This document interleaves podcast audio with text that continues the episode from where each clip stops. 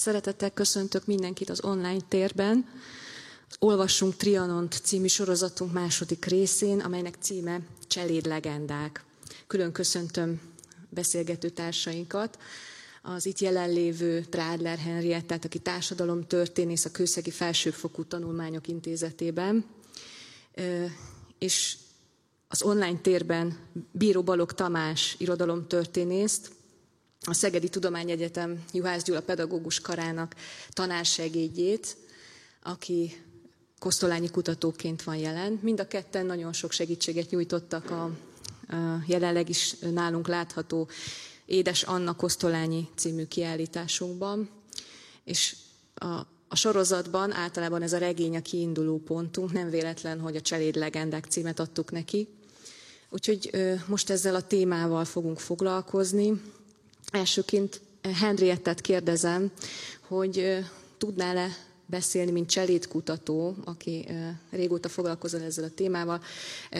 Mondanál egy pár gondolatot nekünk arról, hogy milyen volt a cselédek helyzete az osztrák-magyar monarchiában a 20. század elején, háború előtt, hogy volt-e különbség a budapesti és a vidéki helyzet között, illetve milyen szerepet játszott ez a társadalmi réteg a tanács támogatottságában. És hát a, a többit majd folytatjuk. Köszönöm szépen a lehetőséget, és üdvözlök én is mindenkit. Öm, és hát mindenkinek javaslom, hogy majd nézze meg a kiállítást, mert szerintem fantasztikus, és nagyon érdekes. Én is sokat tanultam tőled, tőletek. A kérdésre válaszolva, Hát cserédnek lenni nem volt egy egyszerű élethelyzet, soha, sohasem. Alapvetően a cserédség funkciója nem változott a monarchia időszakában. Tehát ugye a 19. század második felétől kutatom a, a témát. Nem én vagyok az első, aki ezzel foglalkozott. Gyáni Gábor, társadalomtörténész akadémikus az eltén a doktori programomban ő egyetemi tanár is, és tanított is, és hát tőle is rengeteget tanultam. Ő 1983-ban írt egy könyvet a cserédségről, amelyel megalapozta ezt a hazai cserédkutatást. Én annyiban teszek ehhez hozzá, hogy cseléd életutakat tárok fel. És Gyáni kutatásai alapján, illetve a külföldi szakirodalom alapján ismerjük a cserédséget és a cserédség helyzetét Magyarországon és ugye Közép-Kelet-Európában, Nyugat-Európában, illetve a tengeren túlon. A cserédekről azt tudni kell, hogy általában falusi leányok voltak, akik fiatalon 13-14 évesen vándoroltak a nagyvárosba, legyen szó Budapestről, Londonról, vagy akár Párizsról, és hát ugye feljöttek Budapestre, itt két lehetőség volt, a Cupringer, a cserédszerző szerzett nekik helyet, ahol dolgozhattak a későbbiekben, vagy már a család segített a lánynak elhelyezkedni. Az édesanyában például pont a, a rokon segít Annának új helyet szerezni. De hogyha nem volt ilyen szerencsés, akkor nagyon sok veszély is, veszélyt is rejtett a, a bűnös nagyváros, ugye, hogy a korszakban hívták Budapestet és minden nagyváros, ez, ez egy ilyen általános sztereotípia volt.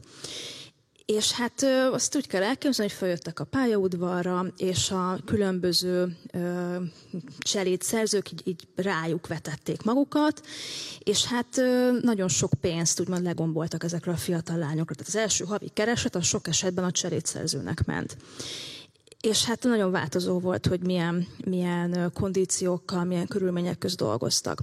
Az ideális esetben ugye, ha azt nézzük, hogy a középosztályi család stá, mint státuszszimbólum a cseléd, akkor elvileg kellett rendelkeznie egy kis cselédszobával. Ez a mai budapesti középosztályi lakásokban is polgári lakásban is jelen van, általában már átalakították, de ez egy ilyen 5-8 négyzetméteres, nagyon sötét ablak nélküli hideg kis szoba volt, ami minimalista stílusban volt általában berendezve, volt egy kis vasád és egy éjjeli szekrény kis lámpával.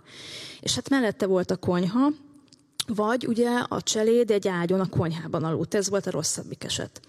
De volt szeparálva a lakás többi részétől. Ugye a nagypolgári lakás az úgy nézett ki, hogy volt három-négy szoba, az ajtók egymásból nyíltak, és a cseléd oda munka szempontjából léphetett. Tehát volt egy ilyen szeparáció, egy szándékos izoláció a, a házban. Hát napi tíz 12-14 órát dolgoztak ezek a, a lányok.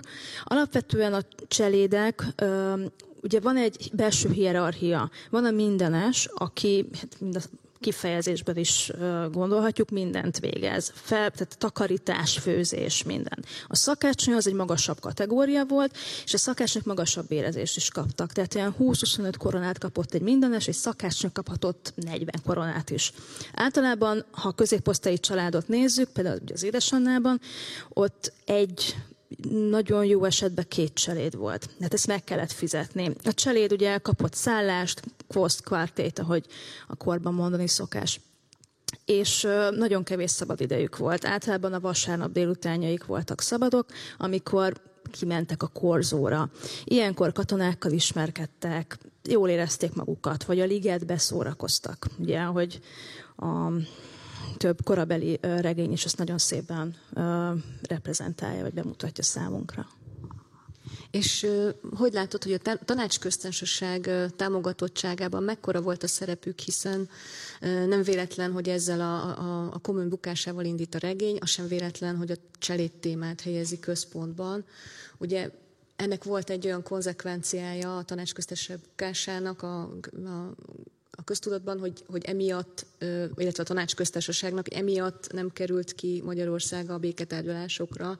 Éppen ezért minden tanácsköztársaságot támogató bázis, vagy társadalmi réteg, hát gyanúba keveredett, hogy így fogalmazzak. Hogy látod ezt? Hát én alapvetően úgy látom, és Vörös Boldizsár, aki a korszak egyik szakértője itthon, sokat beszélgettünk erről, ő végig, végig követte az én diszertációmnak az alakulását, és hát most is szegény olvassa a kéziratomat. Alapvetően ipari munkásság vett részt a tanácsköztársaságban. A cselédek, ugye azért is tértem ki az előbbiekben erre az izolációra, mert tehát nem tudtak ők igazán szervezkedni. Az a vasárnap délután nagyon kevés volt erre. Tehát ö, voltak ö, különböző ö, ilyen önszerveződések, például 1919 ö, elején, hát igen, az év első felében, megalakult a háztartási munkások és háztartási munkásnők szervezete. Ez már egy más kérdés, hogy ez mennyire úgymond felülről jövő, politikai szempontból felülről jövő kezdeményezés volt. Én nem gondolom azt, hogy a, hogy a cselédek annyira aktívak lettek volna, már csak a, a munkavégzésük miatt sem ö, tehették ezt meg. Az biztos, hogy 19 márciusában kiadták a Háztartási Munkásnök című lapot, amely három számot élt meg, tehát nem egy, nem egy hosszú ö, folyóirat, vagy egy napilap, hanem három szám, az nagyon kevés, ez egy 30 oldal nagyjából, és itt például az egyik szerkesztő, Horváth Katica, ő magát egy ex-cselédnek nevezi meg, az már más kérdés, hogy a felmerül a kérdés, hogy vajon tényleg ő egy cseléd volt, vagy egy férfi, aki politikusi um, karrierre vágyik ebben az űrzavaros időszakban. Alapvetően a köztanács köztesek idején a problémát én, én abban látom, hogy 133 nap alatt nagyon kevés idő volt arra, hogy a cselédek úgymond öntudatra lejjenek. Én azt gondolom, hogy a cseléd mizéri és a különböző problémák, a cselédekkel kapcsolatban a különböző problémák jelennek meg ebben a labban is, például a cseléd szerzőkkel való problémák, a cselédek jogai, a, a munka, körülmények, és hát az önsegélyezés kérdésköre. De ez a században végig jelen van. De alapvetően ők nem volt voltak a, a bázisa a tanácsköztársaságnak, ipari munkások voltak. Akkor ezek szerint a 133 nap arra is kevés volt, hogy igazából a helyzetük azon kívül, hogy cselét helyett háztartási alkalmazottnak nevezték őket, lényegében változzon, gondolom. És mi a helyzet a, a békeszerződés következményeivel? Hogy érintette ezt a társadalmi réteget az, hogy megszűnt a történelmi Magyarország, és elcsatoltak innen területeket, hiszen több kortás regényben, már mint hogy a korabeli regényben ábrázolják ennek a következményeit. Az egyik ilyen Zila Hilajosnak a Földön futó városa, ami érdekes módon szintén egy, ugye, egy határon túli városból menekülő középosztálybeli család történetét mutatja be, és ott is van egy cseléd motívum. Érdekes módon nagyon hasonlítanak bizonyos leírások az édesannában megjelent tárgyleírásokra, ami, a, ami arról szól, hogy a, a kedves, öreg cselédjük, aki tényleg egész életükben mellettük dolgozott, kint kell, hogy maradjon, nem vihetik magukkal, és ebbe ez a szerencsétlen nő belehal.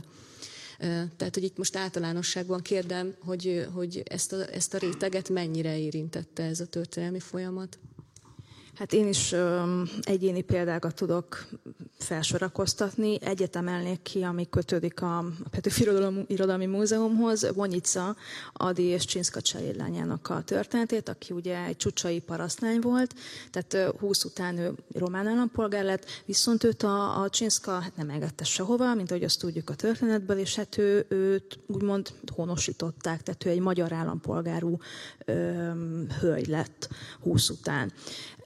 Az biztos, hogy nehezebb volt a úgymond a mászkálás, tehát egy, egy lezárt határa. Talán most éljük meg mi is ezt, hogy milyen is lehetett húszban, illetve ugye a, a későbbi időszakban ezt az egészet átélni, hogy lezárják a határokat. Én azt gondolom, hogy a, a vándorlásnak, a, tehát a belső migráció az adott országnak a legnagyobb városaiba történhetett, tehát a fővárosokba. Aztán a 20-as évektől kezdve a helyzet olyan volt, hogy a tehát jöttek külföldről, most már ugye külföldről jöttek cserédek Budapestre. Tehát én nem látok egy óriási változást, az első pár évben lehetnek ilyen személyes tragédiák. Vagy még azt tudom elképzelni, ugye, hogy a, a, például a román cselédlány haza akart menni a családjához, ez is szerintem egy gyakori eset lehetett.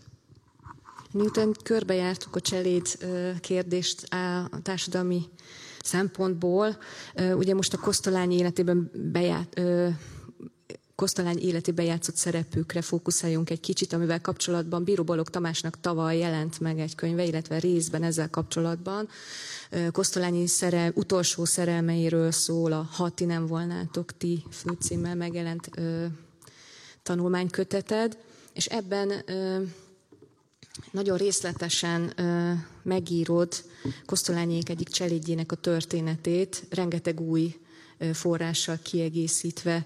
Téged kérdezlek, Tamás, hogy, hogy, hogy tudnál erről beszélni, hogyan talált meg téged ez a történet, vagy hogyan talált erre a történetre, és hogy van-e tudomásod arról, hogy, hogy Bözsinek és családjának mi lett a későbbiekben a sorsa a háború után? Igen, olyan szerencsés helyzetben vagyok, hogy, hogy tudom, hogy mi történt az édesanna mintájához szolgáló valódi cselédasszonynak a későbbi történetében, élettörténetében is, hogy a leszármazottai merre vannak. A kutatásaim során valójában két szál ért össze. Egyrészt ugye kutattam a Radákovics Mária féle szerelem után, és ott egy levélben Radákovics Mária a Kosztolánynak az utolsó későimet szerelme megfedz egy mondatban, hogy több nő is van a képben egy adott időben, tehát nem csak ő és Harmosinana a feleség, hanem egy harmadik hölgy is, akiről kiderül, hogy közel lakik Kosztolányékhoz, és viszonylag alacsonyabb társadalmi státusszal bír, mint ő. Ez volt az egyik szám, amivel lehetett indulni. A másik az pedig valójában egy mesébe élő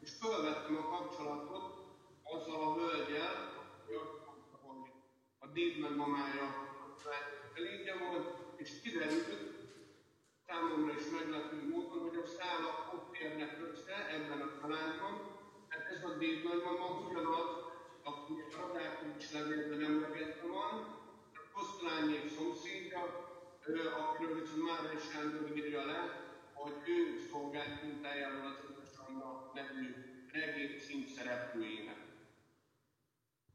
És mit tudsz a család további sorsáról?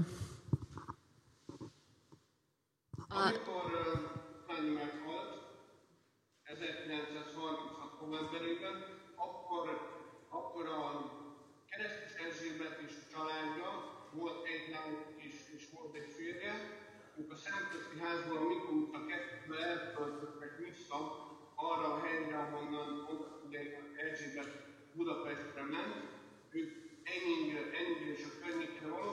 Édesanyjáról a regényből is tudjuk, hogy ő Balaton főkajáró születésű. Valóban ott született, megtaláltam a születési anyagkönyvét, megtaláltam a, a, a különböző igazolványait A család nagyon sokat segített ebben, tehát a dokumentumokat, illetve a családi emlékeket a rendelkezésre bocsátották. Tehát Keresztes Erzsébetik Kosztolányi halála után.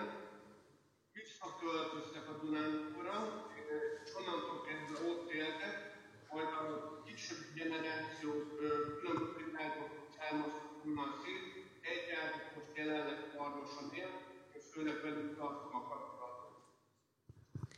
És ugye azt is kiderítetted, hogy Kosztolányinak, tehát Kosztolányi jelentős szerepet vállalt keresztes Erzsébet sorsának alakításában, egyrészt a férhezadása, másrészt pedig hát született egy gyermeke is.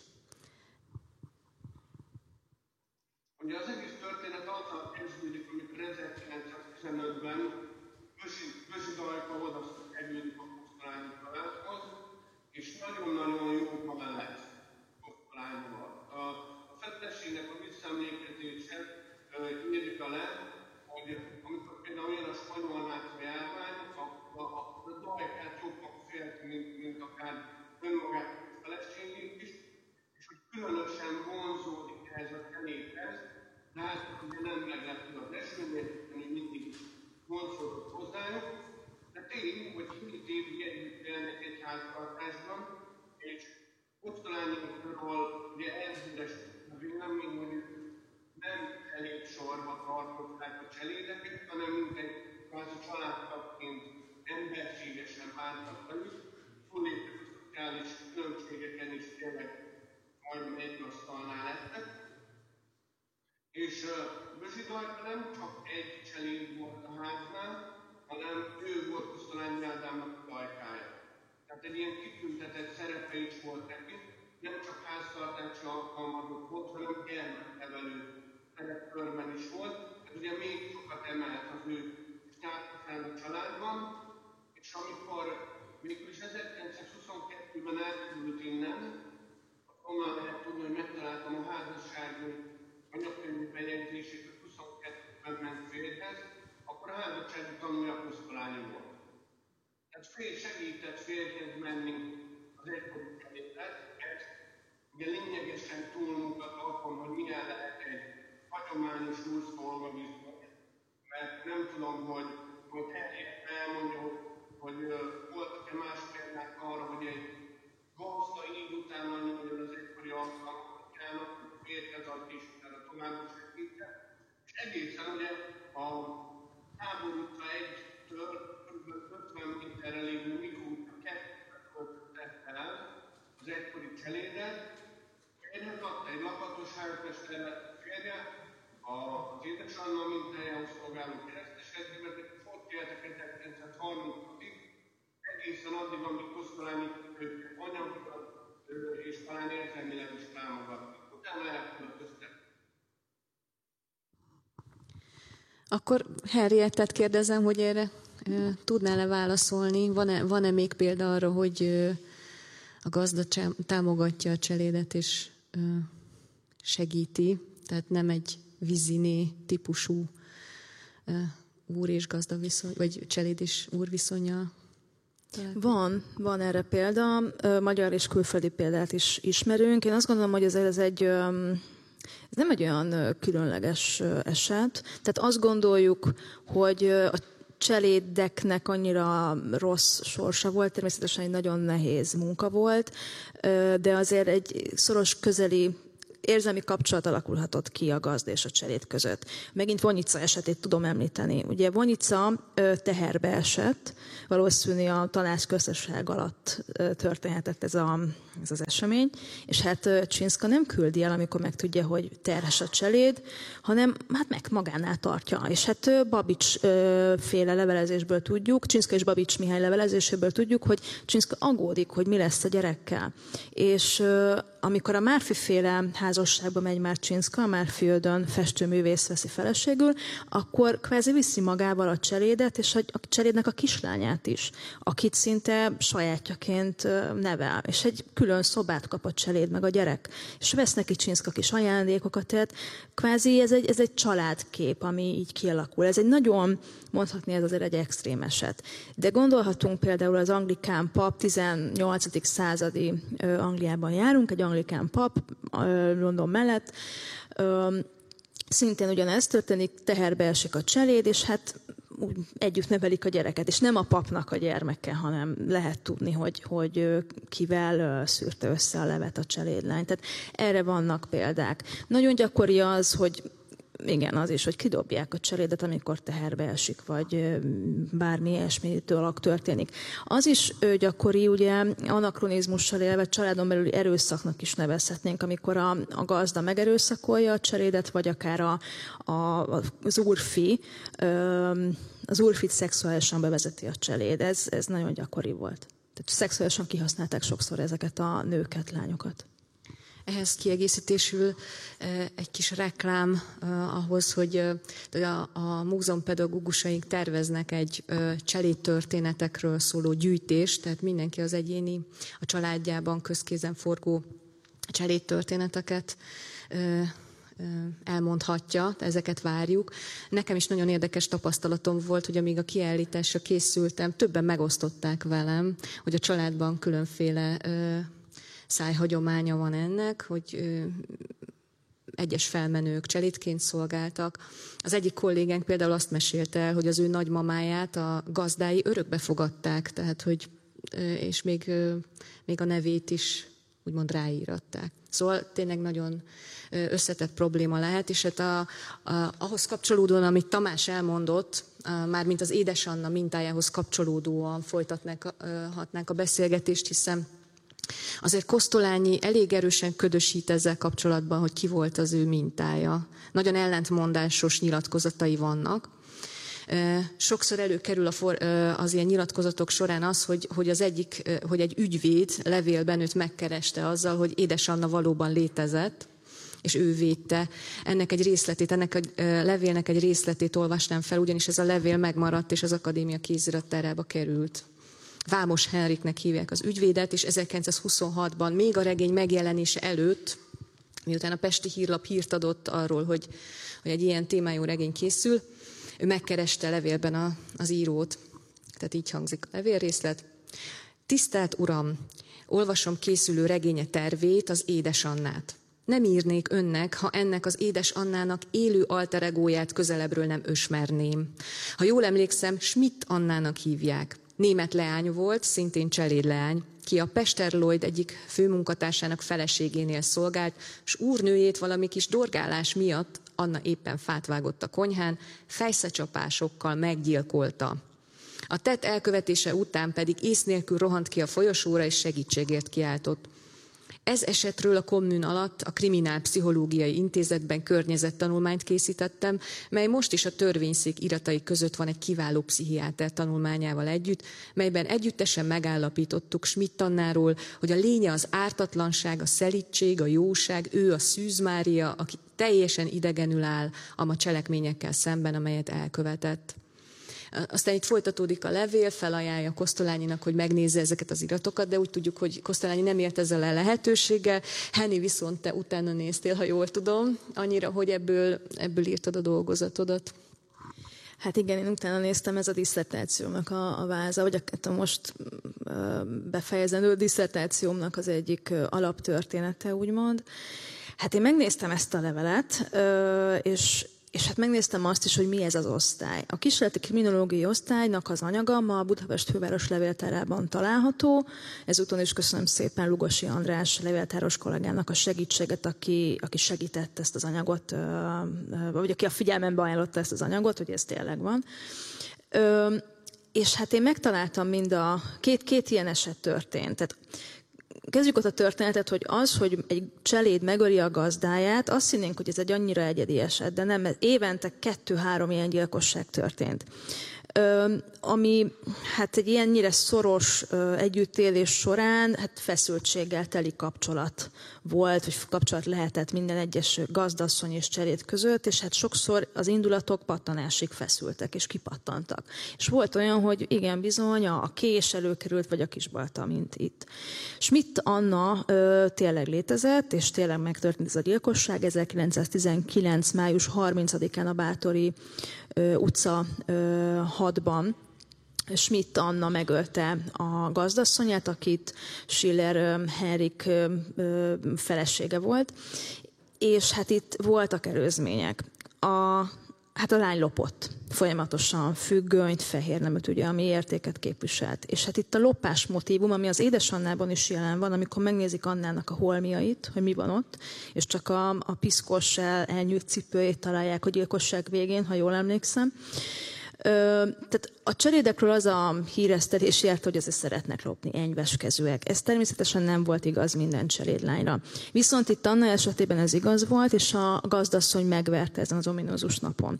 És hát a, a cseléd épp vágta föl a fát, a tüzeléshez, vagy valamit ott vágott föl, mert májusban nem tüzeltek, és hát agyon vertek kisbaltával. És találtam egy másik esetet, a Kovács Magdolna esetét. Ez a tanácsköztesség előtt történt, 19. február 25-én, a Népszínász utca 28-ban. Itt egy magánzó tölt meg füst ö, ö, etelt, és hát itt is a lopás megjelenik, mint ugye az ilyen eseteknél gyakran előfordul. Itt is agresszív volt a gazdasszony, és összeszólalkoztak.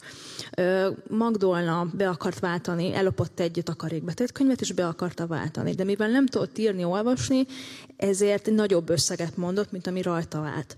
És hát ugyanúgy fogtak a banki alkalmazottak, és mondták, hogy jó, hát akkor menj haza, majd délután elviszük a pénzt a gazdasszonyodnak. És hát annyira ideges lett a lány, teljesen feldultan ziháltal ment haza, hogy összevesztek a gazdájával, az etellel, és hát kézibaltával agyonverte lényegében. Nagyon brutális gyilkosság lehetett, mert több fejszecsapással. Tehát nem egy előre eltervezett, hogy egy fejszecsapás fejét levágom, vagy bármi, hanem nagyon a kriminológiában ez azért ez egy nagyon, nagyon brutál, brutálisnak számít. És itt a Magdolnánál még azt érdemes tudni, hogy ő egy 38 éves, hát ekkor már uh, uh, idősnek számító hajadon nő volt, és hát volt neki egy tíz évvel fiatalabb szeretője, aki a házasságot belengedte neki, hogy hát elveszlek, ha hozol ennyi pénzt, ha meglapod a gazdádat, és a többi, és ezt megtette. Hát a házasság reményében ez volt a, a házasság ideája a korszakban és hát mind a ketten bekerültek a kísérleti kriminológiai osztályra, ami szintén csak a tanácsköztársaság alatt létezett, kísérleti jelleggel. Itt Ferenci Sándor nevét említeném meg. Ugye ezt érdemes tudni, hogy Kosztolányi róla mintázta Movister doktort, és hát Ferenci Sándor, aki ennek az egész kísérleti kriminológiai osztálynak a, a szellemi hátterét megalapozta. Ugye Freudnak nagyon jó barátja volt, és a kommun alatt jött létre az egyetemen pszichoanalízis tanszék először itt Magyarországon, Budapesten. És ez az osztály ez nagyon különleges, nagyon jó történeti forrás, tehát ezt úgy nézett ki, hogy voltak az úgynevezett szociológusok és a kriminológusok. A szociológusokat ma mi pszichológusnak neveznénk, a kriminológusokat pedig jogi szakértőnek. Például Vámos Henrék is egy, egy ilyen kriminológus volt, egy ügyvéd és őket nem az érdekelte, hogy pontosan hogy történt a gyilkosság, hanem hogy miért történt meg. Tehát a bűnöző lelki hátterét szerették volna feltárni, hogy mi is van a bűnöző lelki bugyraiban. Nagyon fontos, hogy nem politikai jellegű ügyek vannak itt, hanem teljesen más volumenű van. Nemi erőszak, prostitúció, stb. És ez a két ügy is itt volt. Csináltak egy környezettanulmányt, amiben feltárták a bűnözőnek a szociális hátterét, családját, tehát a legapróbb részletekig. Nagyon-nagyon ritka, hangsúlyozom, nagyon ritka történeti forrás. Ugyanaz orvos szemüvegén keresztül látjuk ezt a szociális háttér feldolgozását, de legalább van. És emellé készítettek egy intelligencia tesztet, ami például Kovács Magdolna esetében megmaradt. Hát az a korabeli ilyen kísérletezés. Ehhez én személy szerint nem értek. László Viola kolléganőm foglalkozik, vagy foglalkozott ezzel egy közös tanulmányunkban, ami a neten megtalálható.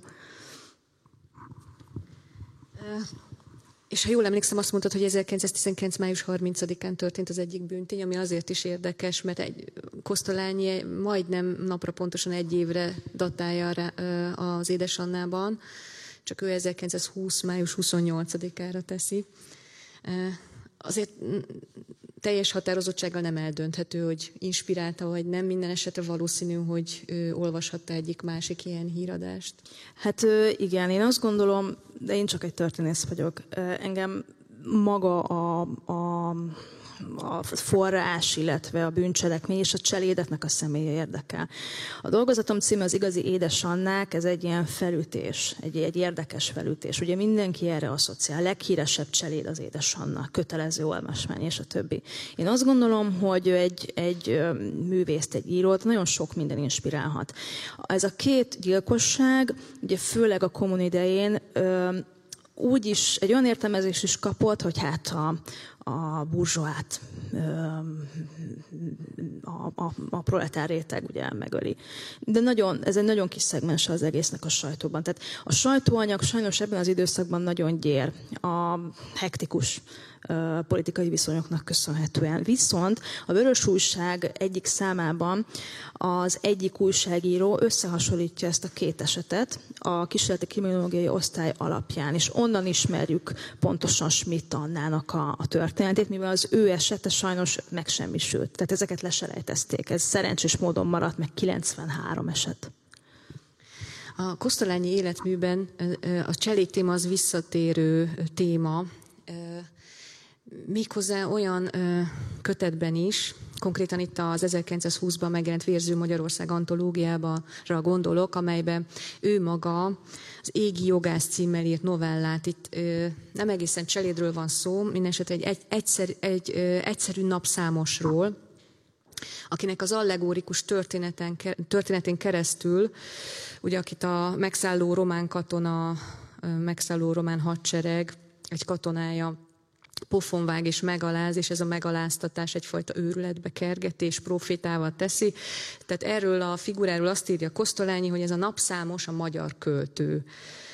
Tamást kérdezem, hogy ugye te írtál tanulmányt a Vérző Magyarország antológiáról is, illetve az erdélyi megszállásra válaszul adott hát ilyen erdélyi dedikációs árverésről is. Erről tudnál-e nekünk beszélni néhány szót? Ez ugye két, két kérdés egyben. Úgy lehet összefűzni, hogy Kosztolányi mindig is fokozottan érdekelte a körülötte való világ, illetve a történelem. Az a történelem, az éppen zajló történelem, amiben ő is benne élt, nagyon pontosan tudta diagnosztizálni az eseményeket és azoknak a jelentőségét, amelyek történtek, vagy az ő közvetlen környezetében, vagy a tágabb környezetében, mondjuk úgy országos vagy európai szinten. Hát az első, a kronológiailag az első aspektus itt az, az a 1916-os román betörő, erdélyi román betörésre adott válasza. Ő Ugye Budapesten élt ekkor, viszont 1917 márciusában éppen Nagyváradon járt, ahol közvetlenül is megtapasztalhatta, hogy a 16 augusztusi erdély román betörés következtében megindult menekült hullám, hogyan éri a partomat, milyen visszhangokat hall, milyen, milyen történeteket mesélnek neki. Nyilván leszült a, a saját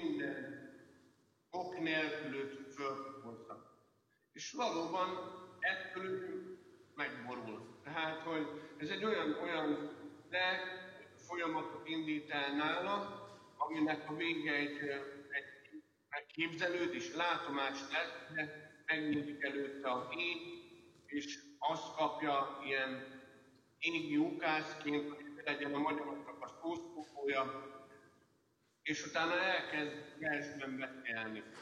Először csak otthon a, a paraszt kubikus társadalomnak van mindenféle rikusokat, az elkezdi művelni magát, újságokat olvas, tudni magát történelemből, és utána fölmegy Budapestre.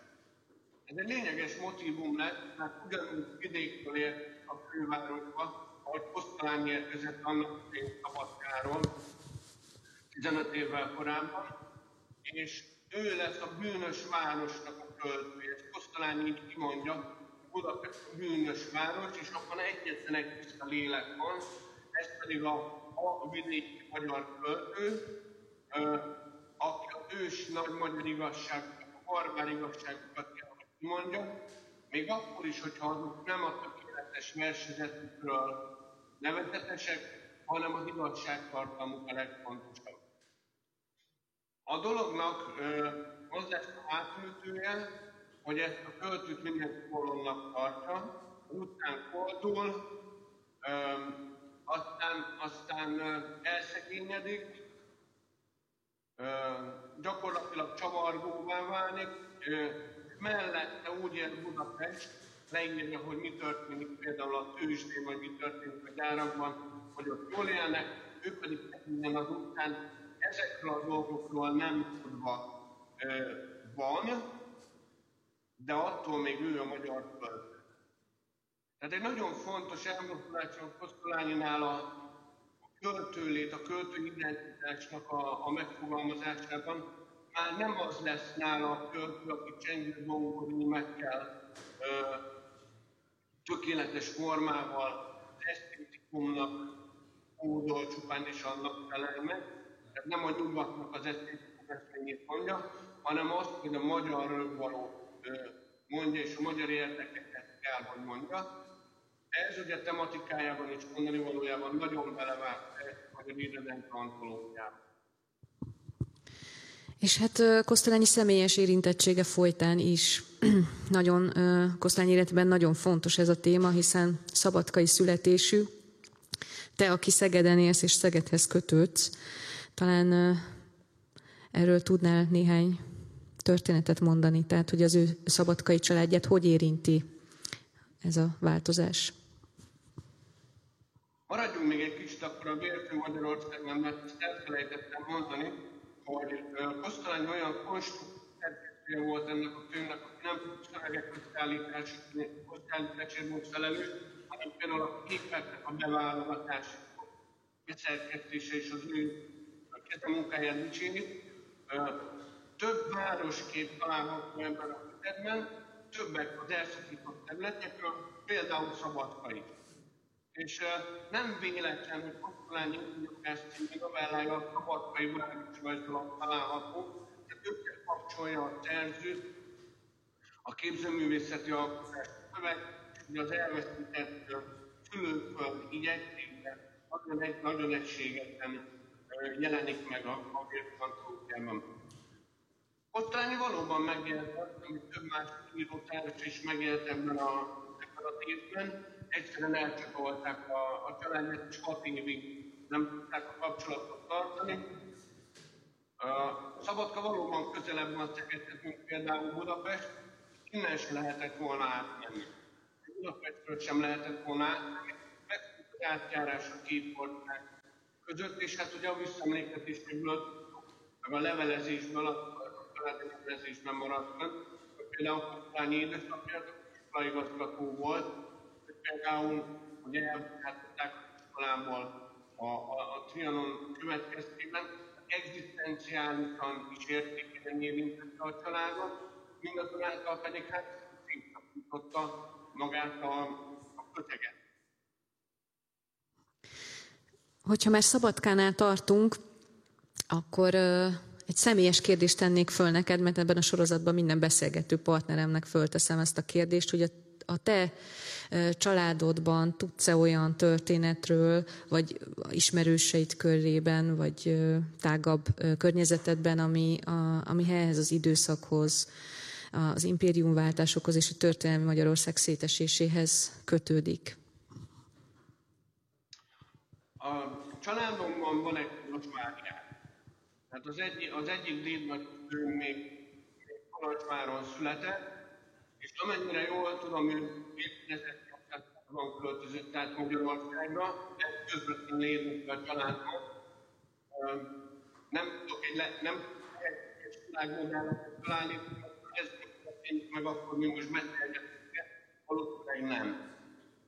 Um, ugyanakkor hiszen, hiszen utána mindig felébe helyeztek a családom, tehát a történelmi, illetve a kis Magyarországnak a határain a családomnak a alapja. Tényleg az, hogy most már húzamosabb élet, a negyedszázad a egyedemi élet, azért a délvidék nagyon közel sok történet.